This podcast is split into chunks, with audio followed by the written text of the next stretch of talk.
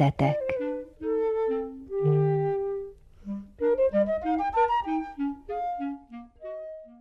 Kedves hallgatóink, ez az Újvidéki Rádió művelődési műsora. Én Madár Anikó vagyok, jó napot kívánok! A következő egy órában interjút hallhatnak Eperjes Károly Kossuth és Jászai Mari díjas színművésszel, aki a Palicson megtartott nyárhangoló fesztiválon tartott előadást, a Magyar Passió című filmjét pedig a múlt héten levetítették az Európai Filmek Nemzetközi Fesztiválján ugyancsak Palicson. Ugyanebben az órában még a Kishegyesi Dombos Festen készült fölvételünket is közreadjuk. Az irodalmi táborban ugyanis bemutatták Bencsik Orsolya legújabb kötetét, az Énekes Krisztina Rongyikái címűt. A szerzővel Sági Varga Kinga beszélgetett. Ez lesz tehát a következő egy óra két témája, az első beszélgető partnerem pedig Eperjes Károly.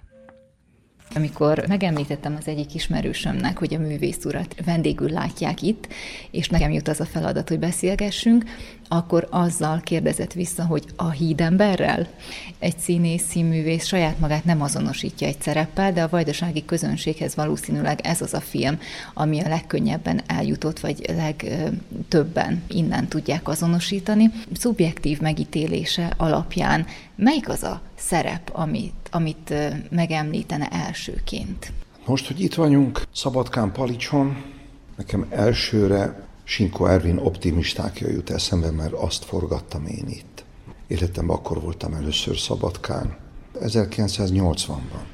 80-ban és 81-ben forgattuk, öt részes tévéfilm, ugye ő Apatini származású, Sinko Ervin, és az akkori kollégákból rengetegen voltak benne a filmben, a Jenő bácsitól kezdve Lajoskától kezdve másokig is, tehát Árpi, mások.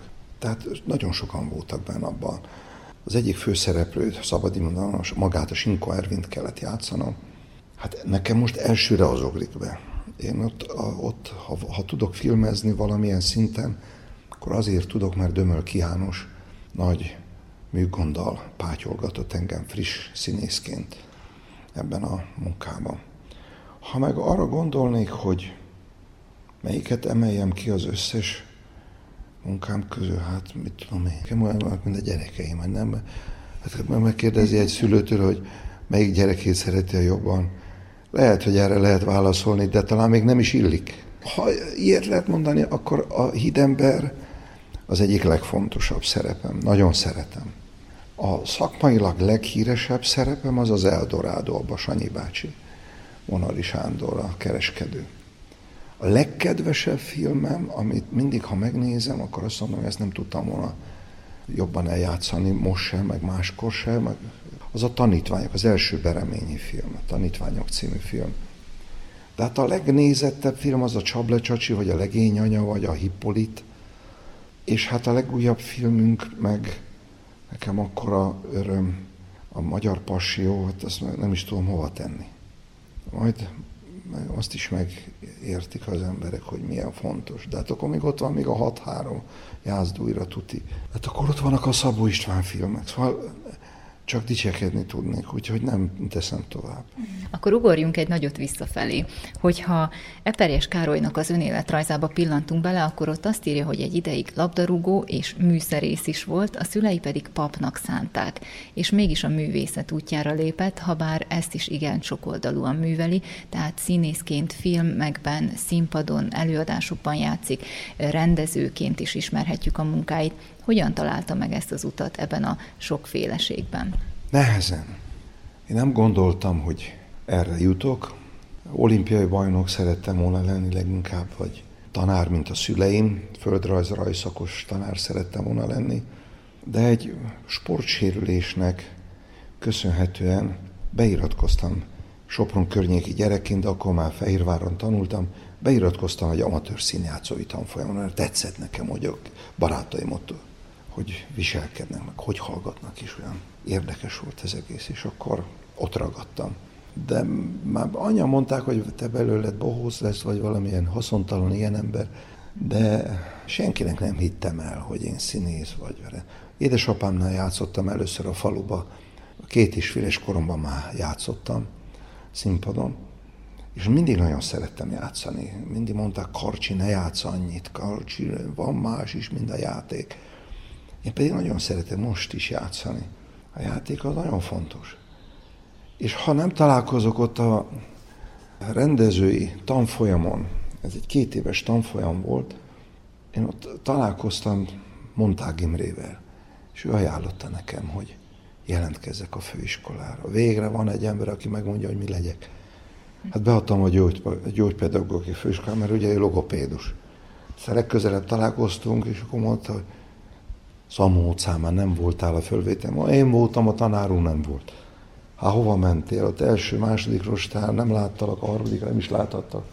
Hát mondom, ott nincs első, második, harmadik rostál. Hát ott hogy hívják van? Szóban megírás. Hova mentél? Mondom, hogy gyógypedagógiai főiskolára. Ha nem oda küldtelek. Na most ez a nem oda küldtelek, szegény nagyanyám mindig azért imádkozott, Jézus Mária világosíts meg elméjét. Akkor mint a kisöpörték volna az agyamat. Csehov ezt így írja, hogy angyal szállt át a légen, és akkor tényleg, ha mondták tanár úr, a színészetre gondolt, hát neki elhittem, és beadtam a felvételre, és fölvettek. Tehát innentől már viszonylag simán ment ez az út. Még az se volt sima, mert elsőre fölvettek volna, de katona voltam, és nem tudtak leszerelni, úgyhogy újból kellett felvételizek. De akkor én már éreztem, hogy fölvesznek. Elsőre persze, akkor jöttem ki a felvételre, akkor jelezték a tanárok, hogy jól van, jól van, főleg mondták, hogy, de persze nem mondhattak semmit. Ezt amikor olvasták fel a névsor, nem voltam benn. És mondta a titkárnő, a Marika, mondom, Vaskó Marika, hogy Marika, hát jöjjön be majd két hét múlva katona, itt úgyis maga Budapesten katona, jöjjön be, megmondom, mi történt. Hát magát fölvették, csak nem tudják leszerelni, mert maga katona. Még nem töltött el annyi időt a katonaság, leszereljük, úgyhogy adja be jövőre is, föl lesz véve. Hát én persze úgy azt hittem, hogy csak pátyolgatnak engem, hogy nem menjen el a kedvem, de aztán kiderült, hogy így volt. Valóban. Legközelebb mentem, már nem volt olyan szigorú velem a felvételi bizottság, úgyhogy fölvettek. És hál' Istennek, mert nagyon jó osztályba kerültem. A Simon Zsura tanárnő, Major tanár úr, Major Tamás, Széke Gábor, Babarci László, Gáti József, Ronyec Mária, Torockaini, Lucia, fantasztikus osztály, tanári testületünk volt. Ah, és akkor még nem beszéltem Hegedűs Géza bácsiról, vagy Radnóti Fifikéről, és folytathatnám az oroszlántól kezdve a kőszegi tanárról át másokig. Á, remek tanár, Ligeti Mérike. És jól nyitották ki nekem ezt a színházi világot. Jó volt hozzájuk járni. Tanítottak, tényleg tanítottak is. Jót, hasznosan, néha keményen, néha bölcsen, többnyire bölcsen, sokszor humorral, ahogy kellett, ahogy éppen kellett. Nagyon jó tanáraink voltak. Csak áldom az Istent, hogy oda kerültem. Meg lehet azt fogalmazni, hogy milyen útravalóval indították útnak a tanítványaikat ők? Hát persze. Elsősorban arról, arról volt szó, azt mondták, hogy mikor egy siker jön, az addig. Onnantól újból kell kezdeni. Jön egy előadás, és sikered volt benn, az onnantól az inkább felelősség. Tehát újból, újból és újból meg kell teremteni magadnak. Nem szabad soha elkényelmesedni. És hát ami a legfontosabb, hogy a tartalom és forma egységére fölhívták a figyelmet. Hogy ne csak külsőségesen játszunk, és ne csak olyan állintímen, mert az, az a, csak magadnak, a közönségnek is kell el kell jutni a közönséghez, tehát a tartalom és forma harmonikus egységére tanítottak. Én is erre próbálom tanítani a diákjaimat, mert olyan alapokat kaptam, hogy érdemes. Na most a színészi és a papi pálya az látszólag nagyon különbözik egymástól. Egy, a kettő az nagyon közel van egymáshoz. Ha az ember igazán jól csinálja, akkor mind a kettő az Istenhez vezeti az embereket. Hogyan fogadta el a család azt, hogy... hogy a... Nehezen. Édesanyám nehezen, édesapám nagyon örült. Amikor hazamentem és megmondtam, hogy ugye pedagógusok voltak, hogy én beadom a színművészetére, megtaláltam az élet, hát, és akkor édesanyám kirohant a szó, Jézus Mária, erkölcstelen pálya, erkölcstelen pálya. Kirohant, édesapám meg ült velem szemben, matematika, fizika, földrajz, szokos, mosolygott is, ugye, bajsza alatt röhögött, és úgy befogta a száját, hogy ne látsza, hogy a, hogy a feleségét is kiröhögte meg az egész helyzetet is. És hogy lenyugodott, meg anyám kiment a konyhába, akkor édesapám, na jó van fiam, akkor ez hogy lesz, beszéljük át. Ő örült neki nagyon. Annak ellenére, hogy a színészi pályát választotta, a vallás, vallásosság az nagyon nagy szerepet tölt be az életében továbbra is. Mennyire nagyot? A vallásosság mindig, talán merhetek úgy fogalmazni, hogy a hit. Bár volt egy korszakom, amikor mindig tudtam és hittem, hogy van Isten, de volt, amikor kevés voltam, sajnos néha még most is előfordul alkalmasint, nem olyan gyakran, hogy á, bizonyos bűnöket elkövetek, majd meggyónom. Szóval ezt a fajta liberális keresztény ilyen nincsen. Aki liberális, az nem keresztény, de olyan sincs, hogy szocialista keresztény. Aki szocialista, az nem keresztény. Olyan sincs, hogy nacionalista keresztény. Aki nacionalista, az nem keresztény. Ha valaki tényleg keresztény, akkor az identitása az egyetemes. Isten, család, haza, egység. Hogy mindannyian eljussunk az örök életre. Ezt kell képviselni. És a jó művész, a jó pap, a jó pedagógus, a jó vállalkozó, a jó parasztember, a jó nyugdíjas, a jó tanuló, a jó szülő, az mind így működik. Ha nem jó, akkor hoányó lesz belőle, így úgy amúgy, valamilyen ideológia mentén. Nemrég az Ember tragédiája című előadás kapcsán beszélgettem Viski Andrással, aki annak az előadásnak a dramaturgia volt, és azt mondta, hogy ő úgy látja, vagy úgy gondolja, hogy teológiai ismeretek nélkül nem lehet jó színházat csinálni. Már Mélyen odáig... egyetértek. Mélyen egyetértek. Kérem szépen, mikor a Szimszeti főiskolán major tanár úrtól nagyon-nagyon sokat kaptam elméletileg a legtöbbet Hegedűs Géza bácsitól kaptam, és ezt jó, hogy rákérdezett, mert ez a lényege a, talán a beszélgetésünknek. Hegedűs Géza bácsi az első drámatörténet intelligencia óra, de hát az volt a központja a drámatörténet, azt mondta az első órán, papnagybátyáim meg a pedagógus szüleimtől is ezt hallottam, de nem ilyen helyen, ilyen eszenciában, azt mondta Racsót. Kem itt alkalmasin mindenki színész lesz, kem alkalmasin kiváló színészek lesznek, kem alkalmasin mester színész szakemberek lesznek, kem alkalmasin többet keresnek, mint én, sajnos. Kérem, a mester szaki az még nem művész. Művész csak az lesz önök közül, azaz hivatását teljesítő mester szakember, és a hivatását az ember valahonnan, vagy pláne valakitől kapja a képességet, és azt művelni kell. A hivatásszerű mesterszakember, azaz művész, csak az lesz önök közül, aki két könyvet elolvas, azt mélyen a szívébe zárja, és amikor a buksiában megért, a kettőt összes témolja is sugározza. A szívre a Biblia, az agyra Arisztotelész poétikája, a bölcselet morál a szívre, bölcselet az agyra. Ez az igazi tanítványi, tanítói állapot. Morál és bölcselet. Ennek a harmóniája az igazi kultúra, az az igazi művészet. Itt van bajba az emberiség, hogy ezt szétszakítja. Ha a szív és az agy közé gátat tesz, akkor az agyasok hűítik a hiszékenyeket, vagy a hiszékenyek barmolják az agyasokat.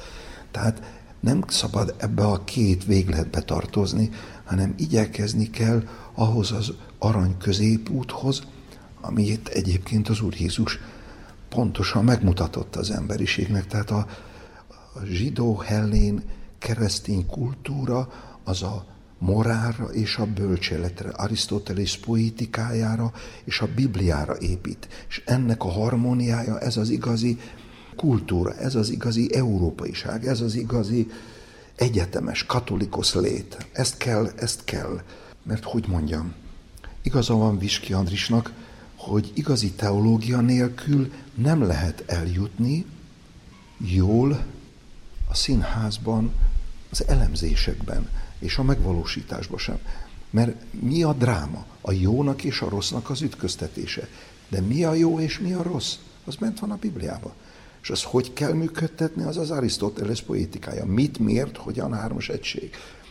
Személy esetében kit, miért, hogyan hármas egység. Tehát, és akkor még mondok egy merészebbet is, mert én a diákjainak mondom, hogy a demonológiával is érdemes, nem csak a teológiával, a demonológiával is. Tehát, hogy épp a mai Biblia részlet volt a Szentmisén, hogy legyetek ravaszak, mint a kígyók, és szelidek, mint a galamb. Ez a jámborság. Tehát csinosodjatok ki az ördög praktikájából, de ti maradjatok az Isten szeretetébe. Tehát kell tudni a negatív, kísértő világnak az eszközrendszerét is egy jó színésznek, egy jó papnak, egy jó tanárnak, egy jó szülőnek, egy jó orvosnak. Kell tudni, hogy, hogy ezeket jó példázatként tudja föltárni az embereknek, hogy így ne ember. És a jót meg úgy fölmutatni, jó példázat, hogy ember, így viszont igen. Tehát igaza van a Viski Andrisnak, hogy igazi jó színház teológiai, mély teológiai műveltség nélkül nem igazán tud létrejönni. Na most, ha laza kapcsolattal is, de eljutunk a Magyar Passió című filmhez, a vallás és a politika ütközése, vagy egymásra hatása szerepel ebben a műalkotásban. Erről a filmről, mint a legkedvesebb gyermekéről beszélt néhány szót az elejéről. Folytassuk ezt a témát egy kicsit. Azt tudom mondani, hogy ez egy nagyon fontos film, hogy megcsináltuk, mert ez a magyar társadalomnak a 20. századnak két nagy traumája volt. Az egyik a Trianon, a második pedig 1950. június 8-a, amikor Trianon óta 6000 szerzetesből 12 ezer lett. Ekkora voltak a hitfakadása Magyarországon. És a kommunisták ezt szétverték. Egy éjszak alatt összegyűjtöttek 12 ezer embert. Ez el nem tudom képzelni, hogy egy lengyel gyerek Katyinról ne tanuljon. Márpedig a magyar történelem könyvekben nincs benn 1950. június 8-a. De itt Jugoszláviában is összefogdosták a papokat, meg a szerzeteseket, Szovjetunióban is, Romániában is, Csehszlovákiában is, mindenhol összefogta a lengyeleknél is, mások, NDK-ban is.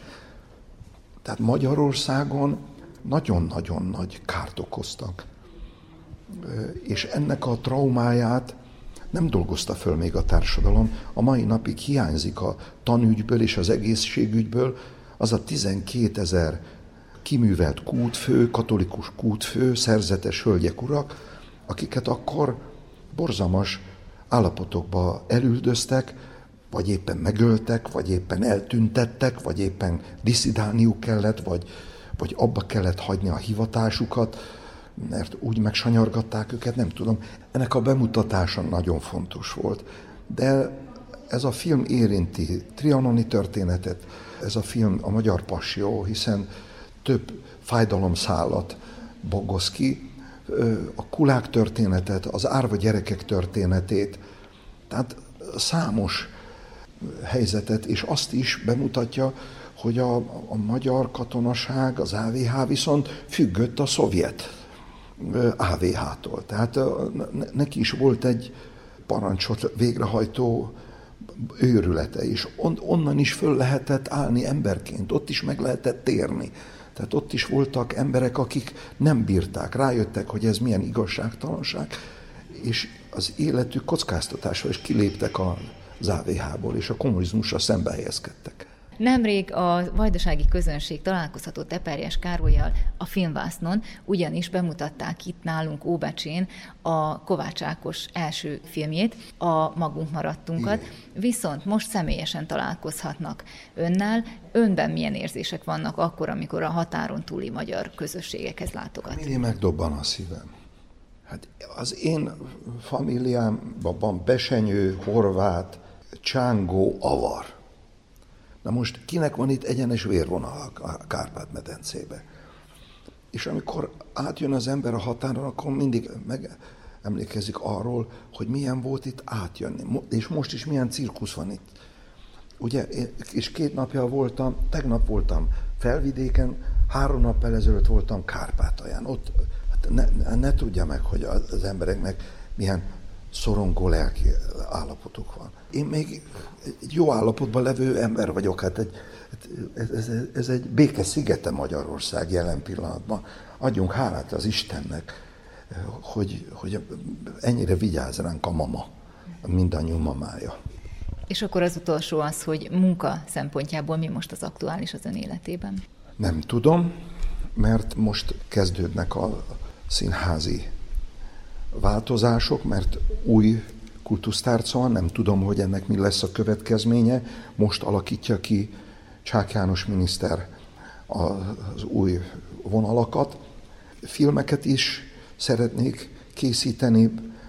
Most mutattuk be, Kovács Frici is játszik ben, Johann is játszik ben, Sopron és Esztergommal együtt bemutattuk a Isten komédiását fölállva, tapsolva, nagy sikerrel mutattuk be Esztergomba, de majd játszuk Sopronba máshol is, nyári játékokon, Katona Imre remek darabja a Szent Ferencről, de közben készülök egy, Trianon filmre is, egy nagy Trianon filmre, készülök egy nagy Szent István filmre, készülök egy családi regényfilmre, és készülök színházi rendezésekre is, és még játszom a darabjaimat, amik, amik vannak a színházakban, majd ősztől felújítjuk őket. Most mondtam le egy filmet, mert egy az, hogy nem bír mindent az ember, pedig kedves feladat lett volna, csak úgy vagyok vele, hogy most még együtt tudok lenni az unokáimmal. Jövőre már nem biztos, úgyhogy nem kell mindig filmet forgatni. Kedves hallgatóink, az elmúlt percekben Eperjes Károlyjal beszélgettünk, a Kossuth és Jászai Mari díjas színművész a Palicsi Nyárhangoló Fesztiválon előadást tartott, a Magyar Passió című filmjét pedig a múlt héten levetítették az Európai Filmek Nemzetközi Fesztiválján, ugyancsak Palicson.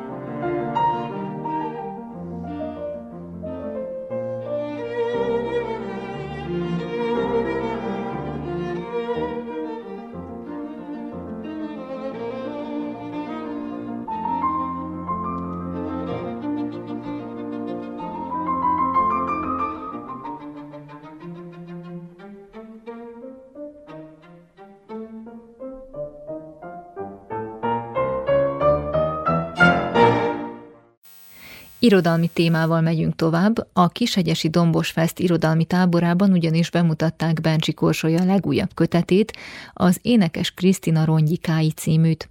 A szerzővel Sági Varga Kinga beszélgetett, a felvételt most önök is meghallgathatják. Szeretettel köszöntök mindenkit. Bencsi Orsi legújabb, Bencsi Orsi legújabb kötetéről fogunk ma beszélni vele, énekes Krisztina Rongyikái. Ez az első, műfajbeli első kötete, tehát hogy tanulmányokkal ebben a kötetben jelentkezik először, illetve publikációi nyilván voltak csak hogy tanulmányformában, tehát valamiképpen ez egy kicsit első kötet is. Tehát, amit mondtam, énekes Krisztina Rontyika, és van egy alcíme, Otthonkeresés Juhász Erzsébet, Végel László és Tolna Jortó írásművészetében. A cím már magában előrevetíti azt, ami a könyvre jellemző, ami Orsi tanulmányírói stílusára jellemző, tehát van benne prózai és a tudományosság elveinek is megfelel. Már a címből látszik Orsi szubjektív stílusa, és ugye ez nem meglepő, hiszen ő már három prózakötettel jelentkezett a tanulmánykötet előtt, és ez a stílusnál vegyül, és egy ilyen sajátságos és nagyon jó stílust eredményezett a tanulmánykötetben. Erről szerettem volna egy részt felolvasni, ami a bevezetőben hangzik el, amit Orsi maga írt valójában a saját stílusára is re- reflektálva, egy pillanat. Tehát a könyvem írásakor én voltam az a Pruszti, Dölőzi szerelmes, a rajongó, aki egyszerre próbál kibogozni és széthajtogatni, megtapasztalni és megismerni, tanulni, miközben a kisítőek és balandok gyermeki örömével nyúlt a részek szétszóródásához, vagy az összeegyeztethetetlenségeihez. Sokféle részletből indultam ki, és először aggódva figyeltem ezek illeszkedését, illethetőségét, takarását. De az idő előre haladtával összeillesztésük, összefordozások egyre inkább magától megadta a mintázatot, újabb kapcsolódási pontokat vetett fel, réseket, hézagokat tárt fel, újabb és újabb félig nyitott dobozt és zárt edényt helyezett elém. Tisztában vagyok azzal, a munkám befejezhetetlen, és ezért maradandó kötelesség, hogy a végnek ezzel nem szakad vége, ugye ez egy idézet volt, ennek tudatában szabjanak, varjanak velem, tehát hogy mint egy tovább gondolkodásra hív a kötetben. Első kérdésként, ugye ami az alcímből kiderül, hogy három életmű egyes darabjaival foglalkozol, nem csak ezzel a három domináns életművel foglalkozik, hanem folyamatosan behoz oldalról, úgy mondjam, oldalról a szövegeket, és ezekkel is talál egyfajta párhuzamot. És ami a premier irodalomból kitűnik, hogy van, van egy vajdasági erősebb vészlav vonulata is. Tehát, hogy az lenne a kérdésem, hogy mi alapján választottad ki, hogy kiket emelsz be a kötetbe, ugye három életmű mellett. Szeretettel köszöntök én is mindenkit, és örülök, hogy lehetek veletek. Lehet, hogy messzebbről kezdem egy kicsit, mert olyan sok mindent mondtál itt a bevezetőben is, én, én rögtön ezekre is szeretnék reagálni, majd a kérdésedre is fogok, vagy a konkrét kérdésedre is fogok. Igen, nekem is őszintén szóval meglepetés volt ez a könyv, ami végül is nem lehetne annyira meglepetés, hiszen már évek óta azért a tudományos dolgokkal is foglalkozok, vagy hát hogy azért megcsináltam egy doktori képzést, és most az egyetemen dolgozom, de hogy én alapvetően azért szépírónak tartom magamat, vagy legalábbis nekem ez az attitűd sokkal közelebb áll hozzám, de hogy valahol rájöttem arra, hogy, hogy én azért az írásból mint szépíró nem fogok tudni megélni, és ezért próbáltam azért a tudományos irányba is tendálódni. És amikor ez a könyv megjelent, ez volt egyébként a doktori diszertáció, egy kicsit ezt átalakítottam, de hogy, hogy végül is megjelent ez a könyv, akkor sokkal furcsább érzés volt a kezemben tartani, mint mondjuk a rúzakötetek esetében, vagyis hogy azok olyan maguktól jött természetes helyzetek voltak, és mint hogyha mondjuk az első könyvemet tartanám a, a kezemben, tehát egy ilyen érzésem volt ezzel kapcsolatban. Talán már azzal kezdném, hogy miért Juhász Erzsébetet választottam. Amikor én úgy döntöttem, hogy Szegedre fogok jelentkezni a doktori képzésre, akkor azért egy két kemény évem zajlott előtte Topolyán, ahol egy kicsit ilyen nihilben éreztem magam, illetve hát a provinciában valahogy, és akkor találtam rá nagyon erőteljesen Juhász Erzsébetnek a, az életművére, illetve akkor nagyon sokat forgattam, vagy olvastam Radomin Konstantinovitnak a Vidék filozófiája című nagyon fontos kötetét, ami nyilvánvalóan a, a, az új szimpózium nemzedéknek egy meghatározó ö, ö, szerzője, illetve hát mondjuk az, hogy bibliája volt ez a kötet. És, és akkor úgy éreztem, hogy tulajdonképpen ezen az életműben elindulva kicsit ilyen önterápiás jelleggel is, tehát hogy tudnék valamit kezdeni. De nyilvánvalóan sajnos azzal is szembesültem, vagy folyamatosan szembesülök, hogy a csúnyán fog ez most hangzani egy Juhász Erzsébet esetében, de azért valljuk be őszintén, hogy ő egy ilyen kismesternek számít legalábbis még jelen pillanatban. Nagyon keveset beszélnek még róla, és hogy valahogy a, a doktorintézményekben jobban szeretik azt, hogyha mondjuk hangzatosabb, vagy jobban körbejárt életművekkel, nevekkel foglalkozik az ember és így jött végül is az, hogy nem is nekem ilyen nagy kedvencem és mesterem volt Tornai Otto, illetve hát Végel László, akkor az ő életművek is ide kerüljön. Másrészt én azért egy ilyen az idézetből is azért kiderült, én ilyen szétszóródó, szétszórt személyiség vagyok, aki mindig minden befejezetlenül hagy, és mindig mindenben valamilyen szinten belekap, és nagyon nehéz volt nekem ez a, az akadémiai munka, mondjuk ez, tehát egy ilyen rendszerelvű, egy gondolatot végvezető tevékenység, és mindig nyilvánvalóan, amit itten aktuálisan magam szórakoztatására ö, olvastam, azt valahogy így beleszippantottam és beleraktam. Hát mondjuk a Roberto Bolányónak a Vanyomozókja, az pont egyébként ezért került bele, mert hogy imádom, a, éppen olvastam a Bolányót, és akkor eszembe jutott, hogy jó, hát az végül is valamilyen szinten beleaplikálható az értembe. Nyilvánvalóan ezért is elég ilyen szubjektív, nagyon erősen eszéisztikus, tehát a saját, mondjuk ezt, hogy nyilván a saját identitásom rajzódik ki ebből a könyv együttesből, miközben persze azért megpróbálom nyilvánvalóan körbejárni ezeket az életműveket, és ezeknek bizonyos aspektusai. Tehát például a Bolányú ez így került bele.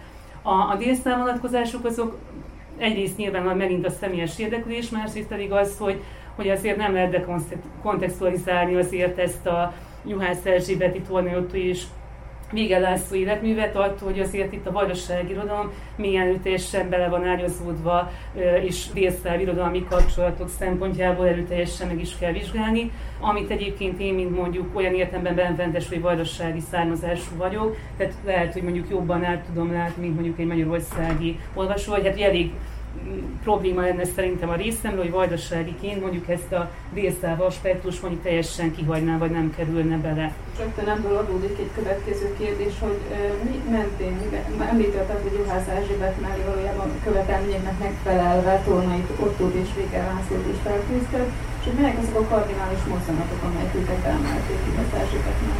Az elsődleges kiinduló pontom egyébként, mint mondtam, a, a, a vidékiség problémája, a vidékiség alakzatai próbáltam vizsgálni, a pormotívum esetleg, de utána egyébként ez egyre jobban inkább a, a, az otthonosság, otthontalanság problémája irányába ment el, hontalanság kérdése köré. És hát igen, a, a, a torniótó életmű is csak azok a részei kerülnek be, hogy megvizsgálás szempontjából, illetve végel szempontjából is, amik, amik azt próbálják megvizsgálni, hogy, hogy a kisebbségi identitás mennyire tudja egyébként a, a maga terében megtalálni, megvenni az otthonát, és hogy, hogy az írás például ilyen szempontból mennyire tud a, a nem létező otthon számára, ami ráadásul egyébként a mi esetünkben, tehát Jugoszlávia esetünkben már nem létezik széthullott, és már nem is, nincs is, ahol egyébként ők ugye születtek, hogy mennyire képes egyébként ebben megtalálni a, a, a, hát igen, a, a hazáját. És hogy ebben mondjuk az írás tere lenne az, vagy tulajdonképpen hát ugye az örökös hontalanságnak problémája. És egy Nagy Zoltánnak a, a szövege is egyébként itt Mond, most már mondhatnám azt, hogy tudnám még inkább belecsatornázni, tudnám még inkább belecsatornázni, a Rúzsákról című új regényéről beszélek. Amikor nyilván ezt a könyvet írtam, akkor az még nem létezett. A dögeltakarítókkal persze foglalkoztam vele, de hogy a, a, a Danyi regénynek egyébként pont ez a nem a tételmondat, de egy fontos megállapítás, hogy hát igen, hogy mindannyian migránsok vagyunk és fontalanok, menekültek vagyunk. Tehát, hogy nagyon szépen be lehetett volna egyébként azt is még ide venni. Tehát, hogy igen, hogy ez otthontalanság, otthonkeresésnek, a, az identitás keresésnek a, a problémája. Hát a, a, diszertációnk az volt a címe igazából, hogy identitás konstrukciók a geokulturális térben, csak hát amikor már a, a könyv megjelenéséről gondolkodtunk, akkor, akkor bennem az volt, hogy őszintén szólva, hogy én egy ilyen könyvet nem is biztos, hogy hogy azt gondolom, hogy annyira el lehet adni. Nem, mint hogyha mondjuk ezt biztos olyan sokan megveszik, de hogy azért mégiscsak izgalmasabb cím, meg mondjuk az én szerző identitásomhoz is közelebb áll az énekes Krisztina Ronyiká, és talán szépen el is játszik a, Hát mondjuk a Vége László pont hiányzik ebből a címből, de mondjuk ott van ugye a Juhász Erzsébetnek a, a kulcsfigurái, illetve hát a Torni Ottónak a rondikái. Akkor át is vezetted már a témát, a következő kérdés, és a címet uh-huh. szerettem volna megkérdezni, és hogy miért pont Énekes Krisztina, ugye nyilván ő egy, egy ilyen kiemelkedő figura uh-huh. a Juhász életműben, és hát nyilván okod van rá, amiért uh-huh. pont Énekes Krisztinát emelted. De... Uh-huh.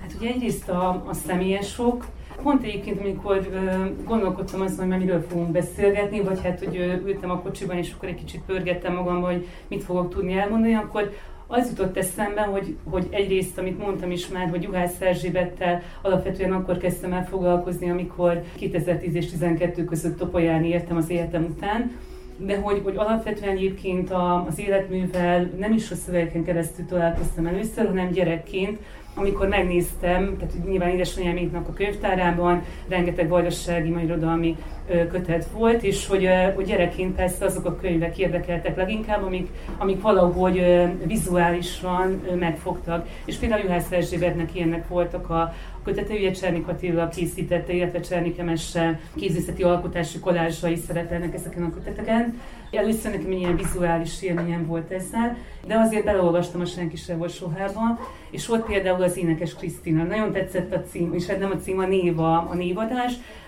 és az a kezdőszövegen ugye a, a, a lebegés, a, a világok között, a fikció valóság, álom, ébenlét, tulajdonképpen határátlépéseknek a, az alakzataként jelenik meg, vagy megtestesüléseként, ami szerintem egyébként nagyon jól megmutatja egyrészt a, a Juhász Erzsébet életműnek, nagyon egy ilyen, mondjuk azt, hogy metaforájaként is, alteregóként is szerepelhetne a, az énekes Krisztina, amiben persze még az is benne van, hogy a, a másik iránti vágyakozás, a Juhász Erzsébet életének nagyon is jellemző a, a másik iránti vágynak, a, megfogal, a kommunikáció iránti igény, pont egy olyan zárt közegben, aminek nyilván van egy politikai vetülete is, pont azért, mert hogy a, a délszláv háborúk idején annak a bezárkózottságában, illetve hát nyilván a provincializmus okozta bezárkózással szemben, illetve a kisebbségi létünk bezártság, hogy ezzel szemben a másik, a másik felé való nyitás. És én azt gondolom, hogy ez nagyon jól tud működni, vagy nagyon jól rá tudjuk húzni szerintem a, a, alapvetően a vajdasági magyar is, mint, mint, mint szép metaforát ami, amire eleve jellemző egyébként ez, ez a lebegés vagy a határokon közötti átívelés, vagy megpróbálás egyébként, hogy a tolni életmű is ilyen egyébként, tehát a, hogyan próbálunk a, az ideológiák elől például mondjuk azt, hogy gyanúsként, vagy az ideológia a hatalom számára gyanúsként kikerülni, szabaddá válni. Említetted, hogy a rongyikái uh-huh. része a címnek, az pedig inkább a tolnaira utal, uh-huh. és ez milyen szempontból? Hát ugye a Tolnainak a, a szövegeiben, versében, prózáiban jelenik meg a, a, a rongyika kifejezés, több motivum többször is, de a Ronika egyébként egy ilyen tudatos döntés volt olyan értelemben is, hogy a, visszatérve a szabásforrásra, amit már a, az elején Kinga felolvasott, hogy én alapvetően nem szerettem a, a hagyományos szerkezetű ö, szövegeket, vagy legalábbis amit én csinálok, pont azért, mert szétszólt vagyok, ö, kis formákban gondolkodok, ahogy egyébként a szépirodalmi dolgaimmal kapcsolatban is, tehát én nem képtelen vagyok arra, hogy ilyen nagy regényt írjak, meg úgy értem, terjedelemben is, hanem csak nagyon pici szikrákból, részletekből tudok dolgozni. És itt is azt éreztem, hogy, hogy nekem valamivel meg kellene ezt egy kicsit a formát izgalmasabb területre hozni, és így lett az, hogy tulajdonképpen egy ilyen Hát egy patchwork tudományos szöveget hoztam végül is létre, ez nyilván a Dubravka Ugresitnek a Stefica Cvélk az élet sűrűjében című patchwork regényéből vettem ki, ami egyébként egy posztmodern pasztis regény, a filéres szerelmes fizeteknek a, a mintájára egy jelmagyarázattal kezdődik. Ugye én is írtam azt, hogy az én könyvem is egy jelmagyarázattal kezdődik, Dubravka Ugresi szakértelme nyomán, egy kicsit persze átírva, és utána, hogyha belelapozunk a könyvbe, akkor látjuk azt, hogy tehát ez nem egy statikus szöveg, hanem állandóan ott vannak a szabás mintának a, a jelölései, hogy, hogy az olvasó miközben ugye belenyúl a szövegbe, hogyan tudja ő maga is megvarni, szabni ezt a szöveget. Másrészt egyébként még a bevezetőben jelzem is az, hogy az a kis terület, amivel én foglalkozok, az egy picike kis rongy szőnyeg darabka. Tonka Beátára hivatkozok akkor ott a, a bevezetésemben, hogy ő ennek a kelet-közép-európának a, a rongyszőnyegét, Vörös Sándor nyomán, Vörös Sándor használja ezt a rongyszőnyeg kifejezést, azt vizsgálja ő is. Hát nyilván ugye a Tonka Beátához képest én csak egy ilyen nagyon kis apró szeretét nézem meg ennek a, a, az, hát az én területemnek, és akkor gondoltam azt, hogy nyilván akkor ez, ez is egyébként a címben is már a, a, a technikai, a formai és a módszertani része azért átsugározzék. És akkor még ehhez kapcsolódik az, hogy végül aztán egy mottót is raktam a könyvnek a, az elejére, ami, ami szinte egyébként egy ilyen a rongyszőnyegre, vagy a patchworkre, fel is olvasom azt, jó? Ez a Dársán Döndéknek a, a Sonnenschein című regényéből, az ő történetek is történet, a találkozásokról, az ember érintkezés megőrzött nyomairól szóló számtalan történet egyike, ő ezzel tisztában van, miként azt is tudja, hogy addig, amíg a világ minden története össze nem áll egy felséges kozmikus pecsvörké, mely bebugyolálja a Földet, hogy a Föld elalhasson, addig a történelem a valóság kísértete továbbra is szaggatni, vagdosni, darabolni, lopkodni fogja a világ mindenség rongyait, hogy belevarja őket saját szenvedőjébe. Tudja, hogy az ő története nélkül befejezetlen marad a munka, miként azt is tudja, hogy ez a munka voltak éppen végtelen, hogy a vége az örök valóságba, a létezésen túlra nyúlik át. És akkor még a, a Monikához még annyit mondanék hozzá, hogy persze én ezt volna nyomán még annó a saját prózai világomba is azért beleépítettem. És mert itt van anyukám is mindig így nem szereti, hogyha hivatkozok rá, de azért azt hozzá kell tennem, amikor a Virág Gábornak írtam, hogy én milyen címre gondolok, és akkor mondta azt, hogy neki ez így tetszik, szerintem jó lesz, akkor azt is megírtam neki, hogy de anyám azt mondja, hogy ez a rongyikája, ez mennyire borzasztó, hogy hagyja már ezeket a rongyikákat, tudja, hogy tolnai, de hogy a saját prózavilágomban, mert eleget megírtam, nem kell még ide is belevinni. Hát én meg úgy gondolom, hogy szóval végül is aztán így nem, nem hallgattam el, pont azért, mert hogy, hogy talán nálam is ezek az átjárások működnek, vagy egyszerűen nem tudom kihagyni a, a, a két látásvonalat, ami egyébként ráadásul a Juhász Erzsébetre is nagyon igaz, tehát ő, ami, ami elő egyébként a, a tudományos pályafutásán foglalkozott, vagy amit az egyetemen tanított, amilyen tanulmányokat, kritikákat írt, ez, ezek nyilvánvalóan mind egyébként ott vannak a, a szépirodalmi szövegeiben is illetve hát fordítva nyilván. Egyébként ez a jelmagyarázat számomra nagyon meglepő volt és nagyon érdekes, mert a mai tankönyveket, tehát előzi meg, tehát olyan oldalt kiemelsz valamit, tehát hogy felhívod a figyelmet, hogy itt valami történni mhm. fog, és ezért nagyon érdekes így olvasni. Fölmerült már hát többször... meg a posztmodern. Igen, igen, igen, igen, igen, igen, tehát hogy ez a fércelés. Igen, igen. Többször föl, fölmerült Dubravko Ugresic neve, uh-huh. mellette még nagyon sokszor emlegetett Deleuze Gattari uh-huh. szerzőpárost és mindjárt Konstantinovic. Uh-huh tehát nyilvánvalóan már az eddig elhangzottakból is látható az, hogy ők dominánsan vezettek mhm. téged az értelmezés során. Nem a tanulmányokról szeretnélek mhm. kérdezni, csak hogy mi az, amit, amit náluk láttál, ami, ami miatt velük vezetted végig valójában ezt a gondolat, gondolatsíkot, amit a könyvben viszel.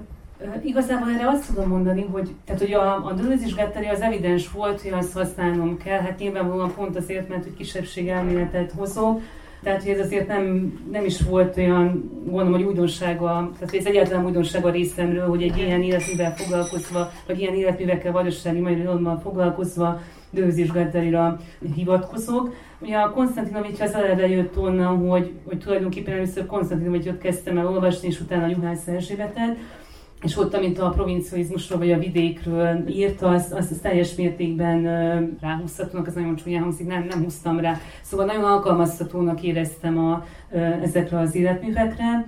Igen, meg hát az ugrás így egyébként nekem már régebben is, vagy korábban is, a több életnél is nagyon meghatározó, de ott igazából a, a feltétel nélküli kapitáció múzeumából ott veszek is passzuszokat meg, tehát hogy nekem ő már nagyon régóta meghatározó szerző, és hát, hogy az a helyzet, hogy én azért sokkal intuitívebb, tehát ezért is mondom azt, hogy nem is biztos, hogy tehát én a, nem, egy, nem egy tudós alkot vagyok alapvetően, és én mondjuk a, a, az intuíció az, ami elsőlegesen dolgozik.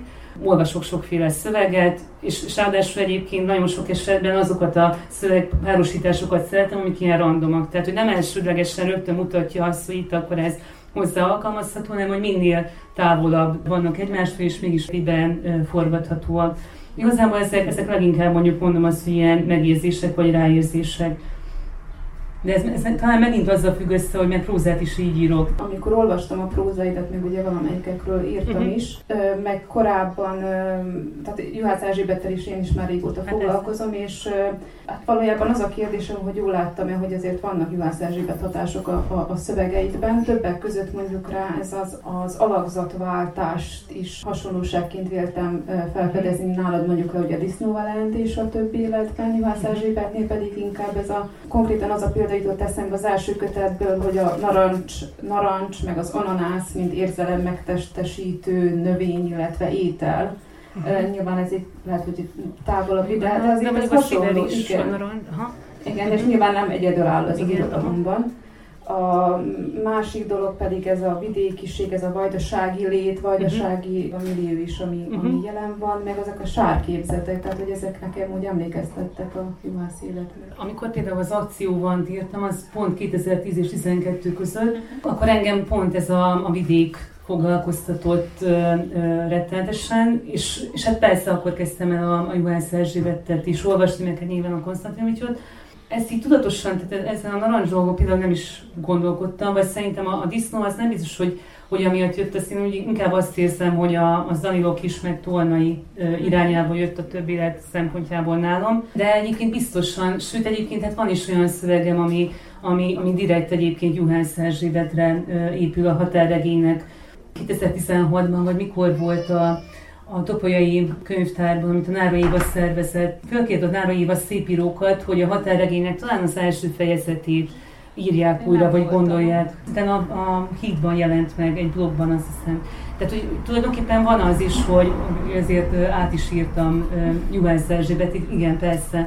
Mert hát nyilván, amit a szemben az olvas, az így, és ennyire mondjuk sokat foglalkozik, mert az éveket töltöttem vele. Bevallom őszintén, hogy voltak időszakok, amikor nagyon gyűlöltem, sőt, nagyon szenvedtem attól, hogy, hogy akkor nekem ezt meg kell írnom, de szerencsére ezen már túlendültem, mert nyilván az, ez egy munka volt, és, és nekem az, az kötelesség és fájdalmas volt, de hogy persze, ez nyilván be, beépült, csak nem, nem tudom ezt annyira tudatosan, azt gondolom, tehát nem tudatosan építettem rá.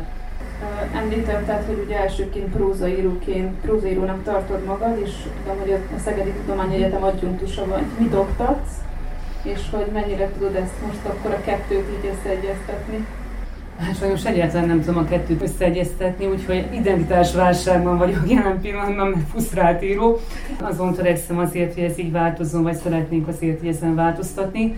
Nem is tudom, két éve azt hiszem azóta tanítok a Kulturális Örökség és Humán Információ Tudományi Tanszéken, informatikus könyvtárosokat, illetve irodalomterápia szakirányú továbbképzés van még, illetve kulturális örökség, mint olyan neve is mondja, és hát hogy amikor ide kerültem, akkor jeleztem is azt, hogy örülök, hogy, hogy van esély arra, hogy fölvegyenek engem ide, de hát én mit fogok akkor itt tanítani, nem is vagyok könyvtáros mert aztán persze az ember utólagosan mindig megtalálja az identitásához vezető útokat, és mondtam azt, hogy hát persze, hát én már gyerekként is egyébként rengeteget jártam a könyvtárba, és, és ott pakolgattam a könyveket, és megkértem a könyvtárosokat, hogy akkor ne is foglalkozzanak velem, én, én bemegyek oda, a, a, akkor még nem voltam tirisznyos, fölmásztam ugye a, a létre, a legmagasabb polcokig, tehát hogy, hogy tulajdonképpen azért volt valami kötődés, hogyha végül is így visszavesszük, de hogy hát nyilván mind olyan dolgot tanítok, amihez nem az, hogy semmi közöm, de alapvetően nem a kutatási területem.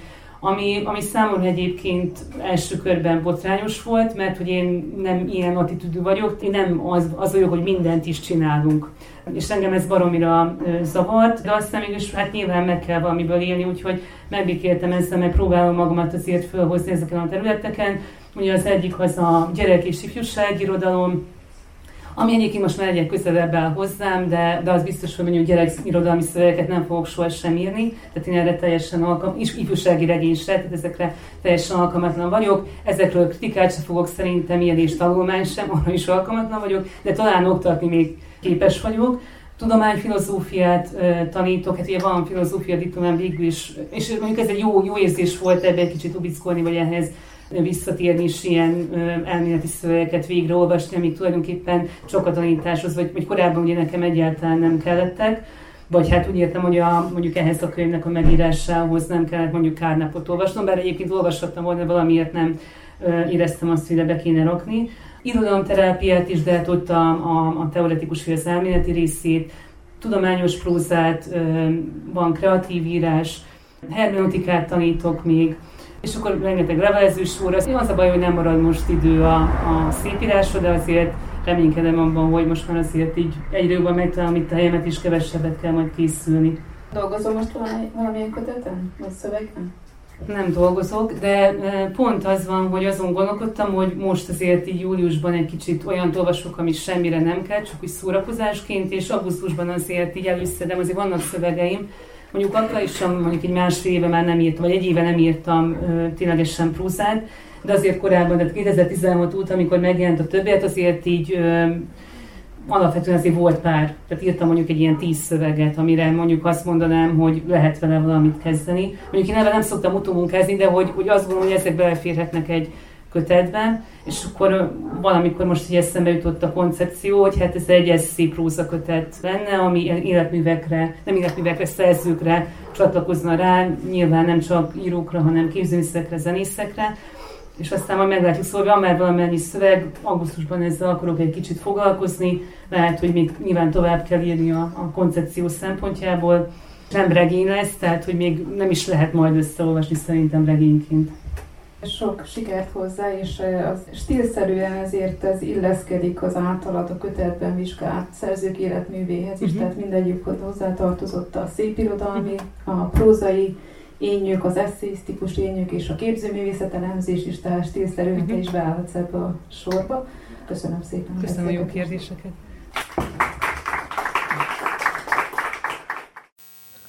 Bencsi a legújabb Énekes Krisztina Rongyikái című kötetéről hallottak az elmúlt percekben, a szerzővel Sági Varga Kinga beszélgetett, a felvétel pedig a Kishegyesi Dombosfest irodalmi táborában készült.